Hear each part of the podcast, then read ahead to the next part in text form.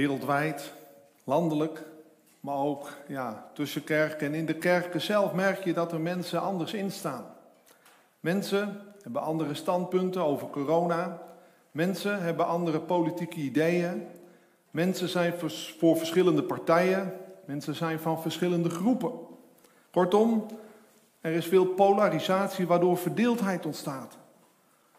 Terwijl, als ik erover nadenk aan een kompas, eh, polen, verschillende kanten van een zaak, ons juist kunnen helpen om een weg te zoeken en te vinden.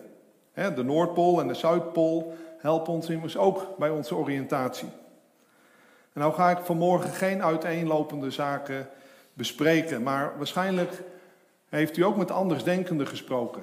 En soms in één gesprek, dat vind ik eigenlijk het mooiste, dat de ene heel iets anders denkt dan de ander en dat je met z'n twee of met z'n drieën kunt spreken en gedachten kunt uitwisselen.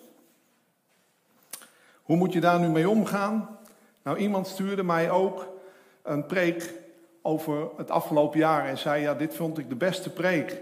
En dat was de preek van Jan Pol over wat is waarheid. Nou, als u die eens wilt kijken, hij staat op YouTube, preek Jan Pol, wat is waarheid. En wat mij aanspreekt in die preek is dat Jan Pol zegt dat hij niet alles weet. Er gaan zoveel theorieën rond waarover ik niet alles weet. Maar, zegt Jan Pol, vanuit de Bijbel, vanuit Gods waarheid, zijn wij geroepen om de ander lief te hebben. En hij preekt dan uit Johannes hoofdstuk 15. En dit Bijbelgedeelte stond ook centraal in de week van gebed, aan het begin van deze maand. Met het thema naar de woorden van Jezus. Blijf in mijn liefde en je zult veel vrucht dragen. Nou, vanmorgen wil ik met jullie ook datzelfde Bijbelgedeelte lezen en overdenken. We lezen uit Johannes hoofdstuk 15, vers 1 tot en met 20. Johannes 15, vanaf vers 1 en ik lees uit de nieuwe Bijbelvertaling. Daar zegt Jezus, ik ben de ware wijnstok en mijn vader is de wijnbouwer. Iedere rank aan mij die geen vrucht draagt, snijdt hij weg. En iedere rank die wel vrucht draagt, snoeit hij bij, opdat hij meer vruchten draagt. Jullie zijn al rein door alles wat ik tegen jullie gezegd heb. Blijf in mij, dan blijf ik in jullie. Een rank die niet aan de wijnstok blijft, kan uit zichzelf geen vrucht dragen. Zo kunnen jullie geen vrucht dragen als jullie niet in mij blijven. Ik ben de wijnstok en jullie zijn de ranken. Als iemand in mij blijft en ik in hem, zal hij veel vrucht dragen. Maar zonder mij kun je niets doen. Wie niet in mij blijft, wordt weggegooid als een wijnrank en verdord. Hij wordt met andere ranken verzameld, in het vuur gegooid en verbrand. Als jullie in mij blijven en mijn woorden in jullie, kun je vragen wat je wilt en het zal gebeuren. De grootheid van mijn Vader zal zichtbaar worden wanneer jullie veel vrucht dragen en mijn leerlingen zijn. Ik heb jullie lief gehad, zoals de Vader mij heeft lief gehad. Blijf in mijn liefde. Je blijft in mijn liefde als je je aan mijn geboden houdt. Zoals ik me ook aan de geboden van mijn Vader gehouden heb en in zijn liefde blijf. Dit zeg ik tegen jullie om je mijn vreugde te geven. Dan zal je vreugde volkomen zijn. Mijn, mijn gebod is dat jullie elkaar lief hebben, zoals ik jullie heb lief gehad. Er is geen grotere liefde dan je leven te geven voor je vrienden.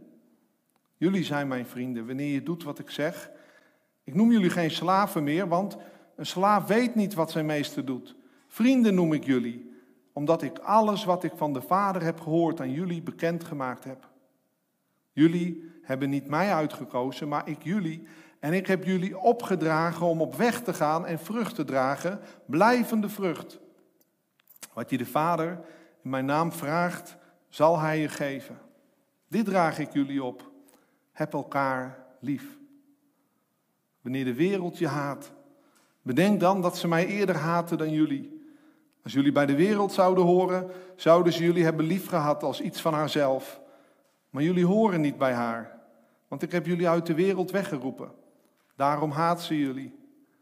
Denk aan wat ik gezegd heb. Een slaaf is niet meer dan zijn meester. Ze hebben mij vervolgd, dus zullen ze ook jullie vervolgen. Maar wie zich aan mijn woorden gehouden heeft, zal zich ook aan jullie woorden houden. Tot zover uit het woord van God. We hebben twintig versen gelezen, waarin we in ieder geval drie reacties tegenkomen over relaties. Jezus roept zijn volgelingen op om zelf in zijn liefde te blijven. En Jezus roept vervolgens zijn leerlingen op om elkaar lief te hebben. En tenslotte wijst Jezus op de weerstand die zijn volgelingen in de wereld kunnen ervaren. Maar net zoals Jezus woorden ja, weerstand hebben opgeroepen, zijn er ook mensen die naar zijn woorden en naar onze woorden zullen luisteren, zegt Jezus. Jezus' oproep bestaat dus uit drie delen. En de oproep is als eerste om als christenen zelf in Christus woorden en in Hem te blijven. En als tweede is het zijn gebod dat we elkaar lief hebben, zoals Hij ons heeft liefgehad. En als derde zegt Jezus dat de mensen uit de wereld ook aan onze woorden zullen houden zoals ze Jezus woorden in acht hebben genomen. En als christenen moeten we dus niet losraken van Jezus. Als christenen dienen we elkaar niet los te laten. Als christenen moeten we de mensen in deze wereld, kunnen we de mensen in deze wereld bereiken met Gods woord. En dan zegt Jezus, voor mij een kernvers voor vanmorgen in Johannes 15, vers 16. Jullie hebben niet mij uitgekozen, maar ik jullie. En ik heb jullie opgedragen om op weg te gaan en vrucht te dragen, blijvende vrucht. Wat, je de Vader in mijn naam vraagt, zal Hij je geven. En we horen Jezus in dit vers zeggen: Ik heb jullie opgedragen om op weg te gaan en vrucht te dragen, blijvende vrucht. Wat houdt dit op weg gaan dan in?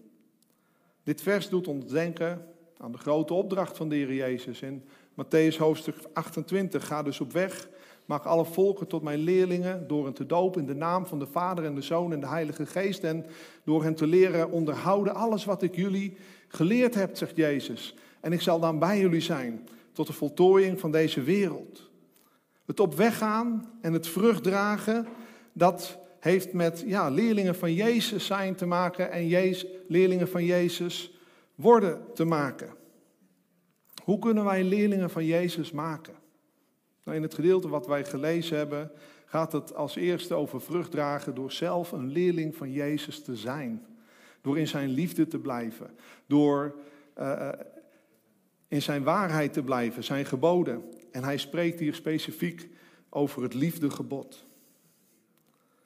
Maar Jezus zegt ook al eerder en ook in dit hoofdstuk over hoe we met elkaar omgaan. Dat de mensen ja, die zien hoe wij christenen met elkaar omgaan, daardoor ja, mogen zien dat we echte leerlingen van Jezus zijn. En misschien kunnen ze daardoor ook Gods liefde leren kennen. Ik weet dat ze daardoor Gods liefde kunnen leren kennen. Jezus zegt in Johannes 13, vers 35 tegen zijn leerlingen: Aan jullie liefde voor elkaar zal iedereen zien dat jullie mijn leerlingen zijn. En in het hoofdstuk van vandaag, Johannes 15, vers 12, zegt Jezus: Mijn gebod is dat jullie elkaar lief hebben zoals ik jullie heb lief gehad. Leerlingen maken van Jezus door zelf ja, een leerling van Jezus te zijn. Individueel, maar ook met elkaar. Verbonden aan Hem. Wij dienen dus in Jezus liefde te blijven.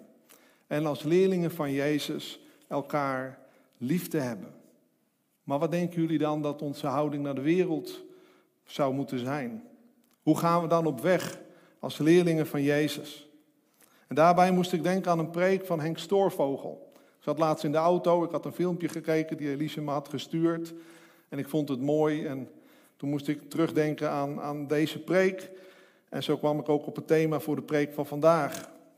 Een paar jaar terug sprak Henk Stoorvogel op opwekking en hij had het toen over stuur de buggy de blubber in.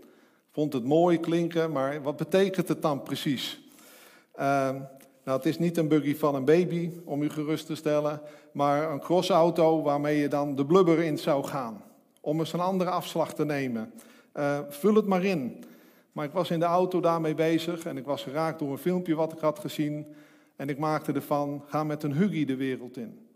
En ik denk dat dat heel goed past, ook in het Bijbelgedeelte van vandaag. Want een huggy, ja, dat is niks anders dan een omarming. En wij mogen vanuit Gods liefde de wereld ingaan. We mogen, ja, uh, vanuit Gods omarming, doordat we God zelf hebben leren kennen en de redding, mogen we openstaan voor de mensen om ons heen. En zodat zij ook de Heer Jezus kunnen leren kennen. Ik vond mooi bij de intredespeech van Joe Biden dat hij zei dat hij president wil zijn voor alle Amerikanen. Nou, dat zijn de woorden Ik hoop dat dat dan ook in de daden zo zal zijn. Je mag best ergens voor staan, maar de vraag is: zoek je ook de verbinding met anderen? En Gods uitnodiging om met Hem verzoend te worden, is er voor iedereen. Als christenen mogen we mensen dus met geopende armen uitnodigen. En het ligt uiteindelijk ook bij mensen zelf of ze ons en Gods liefde afwijzen. In Johannes hoofdstuk 15 lezen we dat Jezus zijn leerlingen uitgekozen heeft. Maar dat neemt niet weg dat mensen ook hun eigen verantwoordelijkheid hebben om op Gods uitnodiging te reageren. Het is juist dat die uitnodiging er ligt, ja, dat mensen door de kracht van Gods geest daarop kunnen reageren. En daardoor ook zelf verantwoordelijk zijn. Want we kennen eenvoudig gezegd ook het verdriet en de klacht van Jezus als hij zegt, ik heb wel gewild, maar jullie hebben niet gewild. Door het kruiswerk van Jezus Christus mag ik jullie oproepen om je vandaag ja, je te laten omarmen door, door het reddingswerk van de Heer Jezus Christus. Hem als je redder aannemen in je leven, waardoor je met God verzoend wordt. De verzoening ligt klaar, maar willen wij het omarmen, aannemen, ons laten omarmen. Gods geopende armen zijn er voor jou en mij. En de vraag is, wat doe je? Laat je je omarmen. Om vervolgens van daaruit ook met een huggy de wereld in te gaan.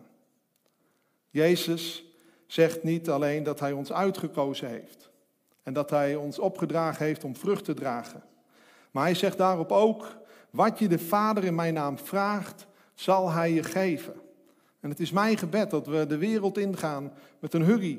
En op WhatsApp gebruik ik dan wel eens het volgende plaatje. Ik hoop dat u dat thuis kunt zien. Een emoji als huggy. Hij verdwijnt helaas altijd weer uit mijn lijstje, dus dan moet ik hem weer opzoeken. Maar ik vind, ik vind deze zelf aanspreken. In een tijd waarin we mensen lichamelijk nauwelijks kunnen aanraken. Waar zouden mensen dan behoefte aan hebben? Nou, ik denk aan een echte omhelzing, als je elkaar kent natuurlijk. Um, maar we kunnen mensen ook omhelzen met onze woorden, met onze daden. En op die manier een huggy geven. En het mooie van een huggy vind ik dat het zowel van links als van rechts, dat je mensen kunt omarmen, verschillende mensen kunt omarmen. En Gods omarming gaat ook bijvoorbeeld uit boven politiek links of rechts. Um, Gods liefde is er voor ons allemaal. Het is een radicaal liefdesverhaal. Willen we zo leven? Staan we zo als christenen bekend binnen en buiten de gemeente? Bijvoorbeeld ook op internet. Een huggy betekent niet dat we elkaar en anderen niet mogen confronteren. Bestaat immers ook confronterende liefde. Maar het is nog steeds liefde. En kunnen mensen door onze woorden en daden heen ja, iets proeven van Gods liefde. Ik moest daarbij denken aan een evangelist die uh, overleden is. En deze man die uh, sprak niet alleen, maar nadat hij ergens had gesproken, was er ook altijd ruimte dat mensen vragen konden stellen en dat hij publiek antwoord ging geven voor één persoon. En die mensen kenden die niet, meestal niet. En wat hij deed, zo beschreef iemand dat, was iemand had een vraag en hij gaf als eerste waardering voor die vraag. Telkens oprecht. Dat hij uitsprak, hé, hey, interessante vraag, of goede vraag. Of... En vervolgens dacht hij niet alleen aan het antwoord puur op die vraag, maar dacht hij ook, hé, hey, wat, wat zou die vraag voor deze persoon te betekenen hebben? En probeerde hij het antwoord echt ook af te stemmen op het hart van deze persoon. En de man die hem beschreef als evangelist, die zei, ja, ik had het gevoel dat die mensen op die manier met woorden een omarming gaf. Een huggy. Laat zien, hé, hey, wat een goede vraag. En ik zie jou en ik probeer ja, antwoord te geven op de vraag die jij hebt. We kunnen niet alleen met woorden, maar ook met daden ja, mensen een huggy geven. De grootste daad van liefde is natuurlijk het kruis. Jezus heeft zijn leven voor ons gegeven. En ik denk daarbij maar even met wijd open armen. En de Bijbel zegt, God bewees ons zijn liefde doordat Christus voor ons gestorven is toen we nog zondaars waren. God gaf ons al een huggy, kan je zeggen, ja, toen wij nog zijn vijanden waren. En Jezus roept ons op om ons leven te geven voor onze vrienden. En als je dan verder leest naar dit hoofdstuk, dan zie je ook ja, om, om niet alleen je leven te geven voor je vrienden, maar ook om zijn boodschap in deze wereld bekend te maken. Ga met een huggy de wereld in. We weten niet hoeveel, hoeveel en hoe mensen reageren. Of ze openstaan voor onze woorden waarin Gods woorden doorklinken. Of dat mensen weerstand hebben of zelfs vijandig zijn. Maar daardoor hoeven wij onze houding niet te laten veranderen. We mogen wel wijs zijn. Jezus zegt ook ergens, we hoeven geen parels voor de zwijnen te gooien. Een beetje scherp beeld, maar als we uit ervaring weten dat sommige mensen ja, godslastelijk reageren op heilige zaken, ja, dan kunnen we dat natuurlijk ook voorkomen. Maar wij hoeven onze houding niet te veranderen. Met een open houding mogen we er voor mensen zijn en ja, de boodschap uitdragen. Ook al zullen mensen die boodschap en misschien ook ons afwijzen. Ten diepste gaat het erom wat mensen met Gods aanbod van genade doen. Willen ze verzoend worden met God door het kruiswerk van Jezus Christus? Mensen die Gods open armen afwijzen, ja, die maken helaas zelf dat ze buiten blijven staan. Maar wij hoeven onze houding niet te veranderen. We mogen met een hurry de wereld ingaan. Niet iedereen wil zich laten omarmen, maar de Bijbel roept ons op om vrede ja, te zoeken, te houden met alle mensen, voor zover dat van ons afhangt. En het is Gods liefde ja, die mensen en de wereld waarin we leven kan veranderen. Is het Gods liefde die ons drijft? Stefan Paas schrijft over christelijke missie in een postchristelijke omgeving het volgende vanuit het Bijbelgedeelte van vandaag. In Johannes 15 spreekt Jezus van zijn leerlingen die met hem verbonden zijn als wijnranken met de wijnstok. Hij zegt erbij dat de Vader elke rank zal afsnijden die geen vrucht draagt. Maar een wijnstok kan zich enorm vertakken en op allerlei manieren langs de muren en over houten dragen skronkelen. En de sapstroom komt tot in het uiterste puntje. Ook al is dit veel dunner dan de takken die dichter bij de stam staan. Wie zal zeggen dat hij precies weet hoeveel vruchten de Vader verlangt en hoe lang hij bereid is te wachten voordat ze zich vertonen? Wie kan aangeven tot hoe ver de geest voor de kerk uitgaat, de wereld in? En daarom is de oproep voor morgen: ga met een huggy de wereld in. En ik weet wel dat we op dit moment bijna nergens heen gaan. Maar met een huggy de wereld ingaan heeft met onze houding te maken. En de Bijbel zegt op een andere manier: ga met een huggy de wereld in. Namelijk, uw vriendelijkheid zij alle mensen bekend.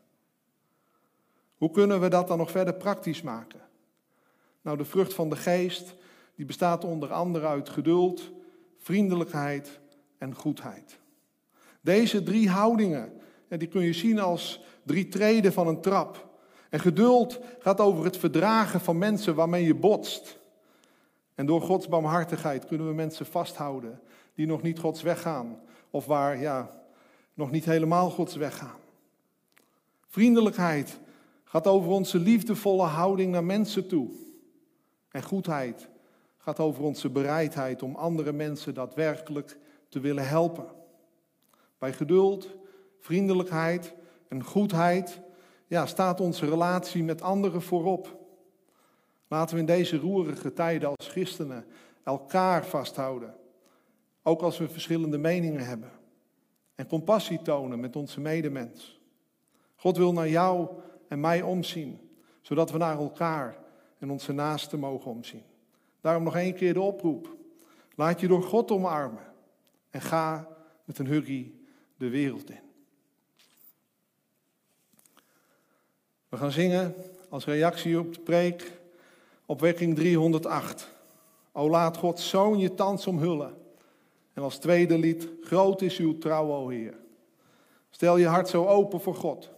En open vanuit Gods trouw je hart voor mensen.